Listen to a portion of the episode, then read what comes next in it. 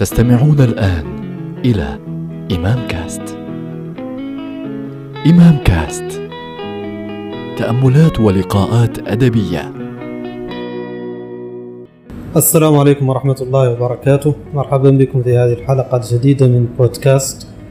الليلة في هذه الحلقة نستضيف لكم الدكتور محمد فهد سيديا آه، الباحث في مجال الفقه والوصول والعلوم الشرعية واللغوية عموما.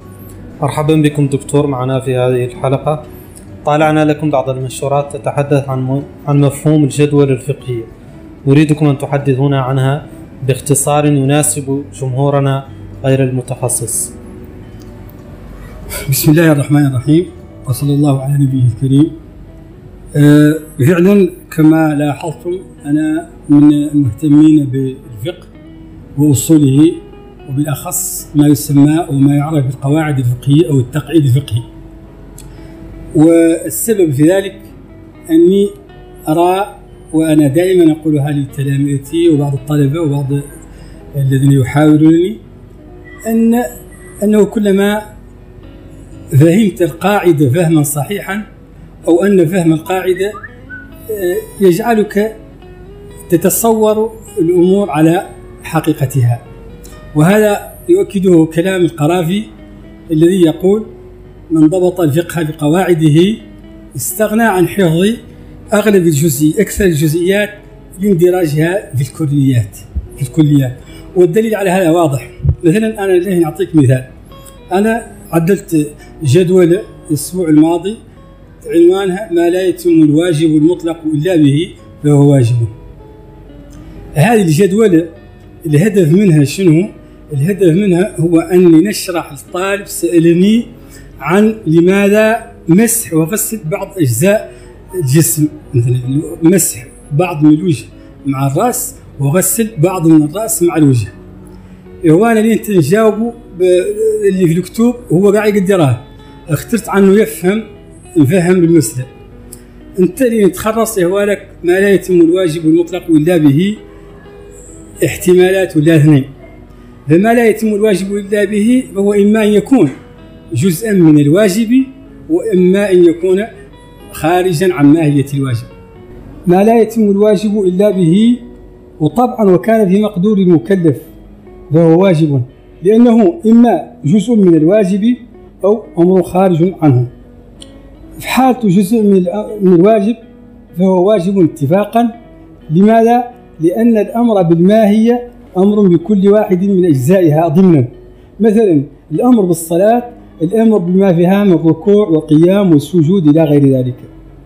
أما الحالة الثانية وهي أن يكون آه، الواجب أمرا خارجا عن عن عن الواجب وهذا فيه خلاف. لأن أقسام الخارج عن الواجب إما مبنية على سبب أو على شرط وكل منهما إما شرعي أو عقلي أو عادي.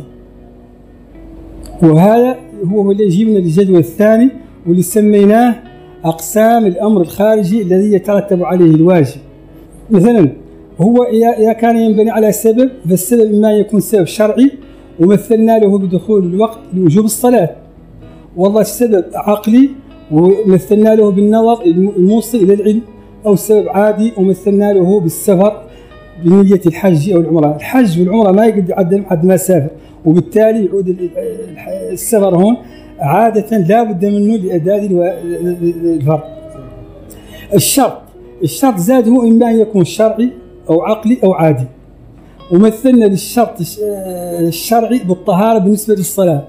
ومثلنا للشرط العقلي بالفهم لثبوت التكليف. والأخير الخانة الأخيرة وهي هي مربط الفرس. هي الشرط العادي. قلنا عن مثلنا المسح الزايد على حد الرأس وهذا هو لسه في خلاف. إحنا قلنا عن هذه الأمور عنها الأمر الخارجي كامل أنه في خلاف سبب شنو؟ بناء اما على سبب ولا على شرط. وأنا أرى أن اليوم علينا أن نخاطب الناس ما يفهمون. بأسلوب لا أقول أسلوب عصري ولكن أسلوب حديث. آه، مبني على الجدولة على التقسيم الثنائي على أنا أراها طريقة ربما تكون وفعلا لاحظت من طرف تقبل الطلبه سواء في الجامعة أو في آه، هذه الدروس العارضة أنهم يتقبلونه أكثر من هذا السرد اللي قائم على النص. صحيح ربما كما قلتم هو هذا أكثر تماشي مع روح العصر وقد رأينا تجارب قام بها العلامة حمدا لعلكم تذكرونها في موضوع الشيخ خليل ورقمنته جعله بالصفة على جداول وقد تمت هذه التجربة. ما رأيكم في هذه التجربة؟ وما الذي قدمتموه أنتم في هذا المنحى في منحى تقسيم الفقه واصول الفقه إلى جداول يمكن أن يفهمها العقل المعاصر أكثر. فعلا شوف أنا أنا أقول لك بصراحة حسب منهجي وطريقتي والطريقة التي تلقيت بها العلم هي هو يقولوا عن كل إنسان يقرا بالطريقة اللي يقرأ بها. أنا الطريقة اللي قريت بها والله ما زلت نقرأ بها بي أنا قاعد ما اعتبرت عني قاري. هي اني نبني هذا على تقسيم عقلي يشرب العقل. وعيت نقول في بعض المناسبات إنك بفهمك للقاعدة يصبح ما يندرج تحته من جزئيات لا يصبح يندرج تحته كامل من الجزئيات الفقهية في حكم البديهيات. في حكم البديهيات عندك معناها تصورك القريب يعطيك آه، نعم. لا لا, لا شوف هذا ما أنا اللي عدل لي الشيخ حمد جزاه الله هو ما بدلا من يعطيني الحكم علمني كيف آخذ الحكم. وقد كتبت عنها مرة تحت عنوان لا تعطيني حكما لكن علمني كيف آخذ حكما. آه، فهمت أنا راح مثلا أعطيك مثال. آه، مثلا إذا أخذنا قاعدة مثلا من القواعد الفقهية هل الاخذ بأول الأسماء أو آخرها أو الأخذ ب هاي القاعدة حد فهمها يفهم اللي يندرج تحت من جزئيات الفقهية كاملة والامثله كثيرة. وعندي الحال الحالة الحمد لله أكثر من لا أعرف بالضبط لكنها مجموعة جداول ربما تصدر لاحقا إن شاء الله في مدون أو كتاب آه، أو سميه ما شئت يساعد الطالب ولا الباحث على فهم الفقه بأسلوب عصري. هذه الطريقة الثورية يمكن أن نسميها في التدريس أنا نعرفها عندكم نختاركم تحدثوا الناس عنها أكثر ورؤيتكم للطريقة التقليدية في المحاضر اللي تعتمد على التلقين وتوف وإعطاء وإعطاء الحكم دون دليل ودون تأصيل شرعي. مثلا أنت تريد حكم وكنا نتحدث عن هذا قبل قضية ذكرني بها القضية التي تحدثنا عنها عن الحكم.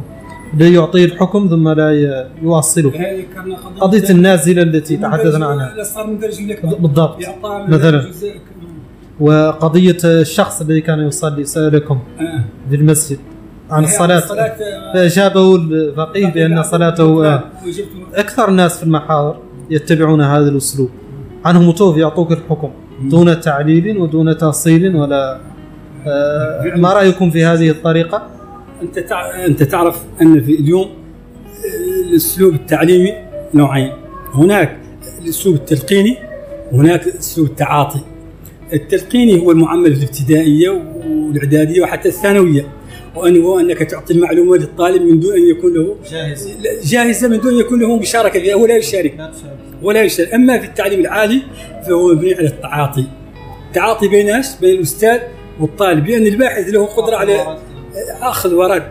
فهمت شوف أنا لاحظ ولابد أنتم لاحظتوها أن الناس لم تعد كما عقول البشر لم تعد كما كانت.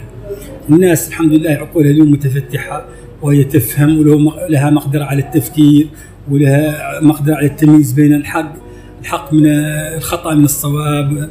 لم تعد كما كانت ولم تعد تملي عليها فقط. وبالتالي من الأحسن أن تجعلهم يشاركونك الحكم بدلا من أن تعطي تعطيهم الحكم هكذا. جائزا جائزا مثلا أعطيك مثال على ما قلت كانت أول مداخلة إعلامية نعدلها حول العقيدة. وسبحان الله هذه ربما تكون فيها ارتجال لأني كانت أول مرة آه، أظهر إعلاميا وأنا أتكلم في موضوع حساس للغاية موضوع العقيدة والاعتقاد. لاحظت أن الكثير من الناس لا يفهم قام عن العقيدة ولا يفهم عن الاعتقاد. وبالتالي عدت له نعدل خارطة ذهنية لمراتب العلم. كيف تعرف؟ هي خم... هي خمسة. غير خمسة كل هي منها كل مقسم إلى آه، خانتين. فإحنا عندنا الاعتقاد وعندنا المعرفة العلم أو والله المعرفة وعندنا الظن وعندنا الشك وعندنا الوهم. هذه أخمس آه، أبواب والله خانات لدرجات العلم. الاعتقاد هذا منه ما هو صحيح ومنه ما هو فاسد. الاعتقاد الصحيح هو ما وافق الواقع. والاعتقاد آه، الخاطئ الفاسد هو ما خالف الاعتقاد. والاعتقاد هذا والعلم والعلم كذلك منه ما هو كسبي ومنه ما هو وهبي. العلم والاعتقاد يشتركوا عنهم خانة الجزم. كل ما لدى الإنسان يجزم. يجزم به. لكن لا ننسى أن الاعتقاد الفاسد صاحبه جازم لكنه جازم على باطل. شيء فاسد. وبالتالي عندنا ثلاث خانات صحيحة. هي الاعتقاد الصالح والعلم سواء كان كسبيا أو نظريا. لأن النظري بعد النظر يصبح يصبح حقيقة. أما المراتب الثلاثة الأخرى وهي الظن والشك هذه لا تعتبر لا تعتبر بالأخص في ميدان العقائد العقائد. وهذا هو اللي الشرط حبيت أن أشير به إلى ذيك المحاضرة اللي كانت في أول مداخلة وأنا الآن إن شاء الله أعمل على آه، عن نخرجها بطريقة جديدة. اذا حسب رأيكم المنهجية هي المهمة. منهجية كما يقولون في الفلسفة. نحن لا ندرس الفلسفة. لكننا نتفلسف كيف فنحن أيضا في العلم اللي يمكن أن نقول إننا لا نبحث عن عن عن, عن. من يعطينا معلومات. جاهزة وإنما يعطينا منهجية الاستنباط كي- كيف تبحث عن معلومة موجودة عندك؟ أنت عندك في يعني التليفون الناس متساوون في المعلومات. متساوي الولوج المعرفه متساوية في الناس متساوية. نساوي فيه الفرق اليوم فاش في الاستعمال والاستعمال هو المنهجية لا فرق أنا أنا الغريب عندي اليوم كون لقاش يعطيك معلومة جاهزة. لأنك هاي المعلومة اللي يعطيك هي في الكتاب وفي وفي وفي وأنت الكتاب عندك. جوجل قاعد. و- جوجل واستعمل ذا معناها أنت المعلومه ما دامت موجودة عندك كيف تدور تدور عند حد آخر؟ يلا أصلا لا أنا واسع أنا واسع عن الاختلاف اليوم عنه في الم- في المنهجية. والأسلوب اللي هو اللي قائم على المنهجية. la méthodologie. la méthodologie ديال الشخص هي هي الفرق الشاسع.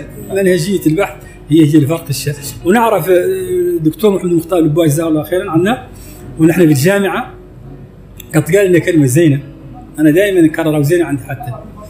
قال لنا نحن في سنتين ما نقدر نخدمكم علماء. وهذا ثابت. العلم ما ينحصر. ما فما تقرا قالوا عالم. بين قوسين هون نختار نصحح بعض المفاهيم الخاطئة. العلامة والعالم. لا هذه هذا هذا مسعى في نوع من. الأحكام المطلقة. عالم بأي مقياس؟ هاي الأمور نسبية طبعاً. النسبيه طبعا. هو قال عالم فاش. عالم فاش وإلى عليه لا هي نسبة علمه الكلمة اللي قالها محمد مختار الدكتور محمد جزاه الله خير قال لنا نحن ما نقدر نخرج منكم علماء في سنتين. لأن العلم لا يحصل في سنتين يا غير نقدر ناخذ منكم باحثين. وكيف؟ هذا اللي نفهمه لا لا قرينا. منهجيه البحث منهجيه البحث منهجيه اليوم متعارف عليها في الجامعات وقرب في الجامعات كاملة.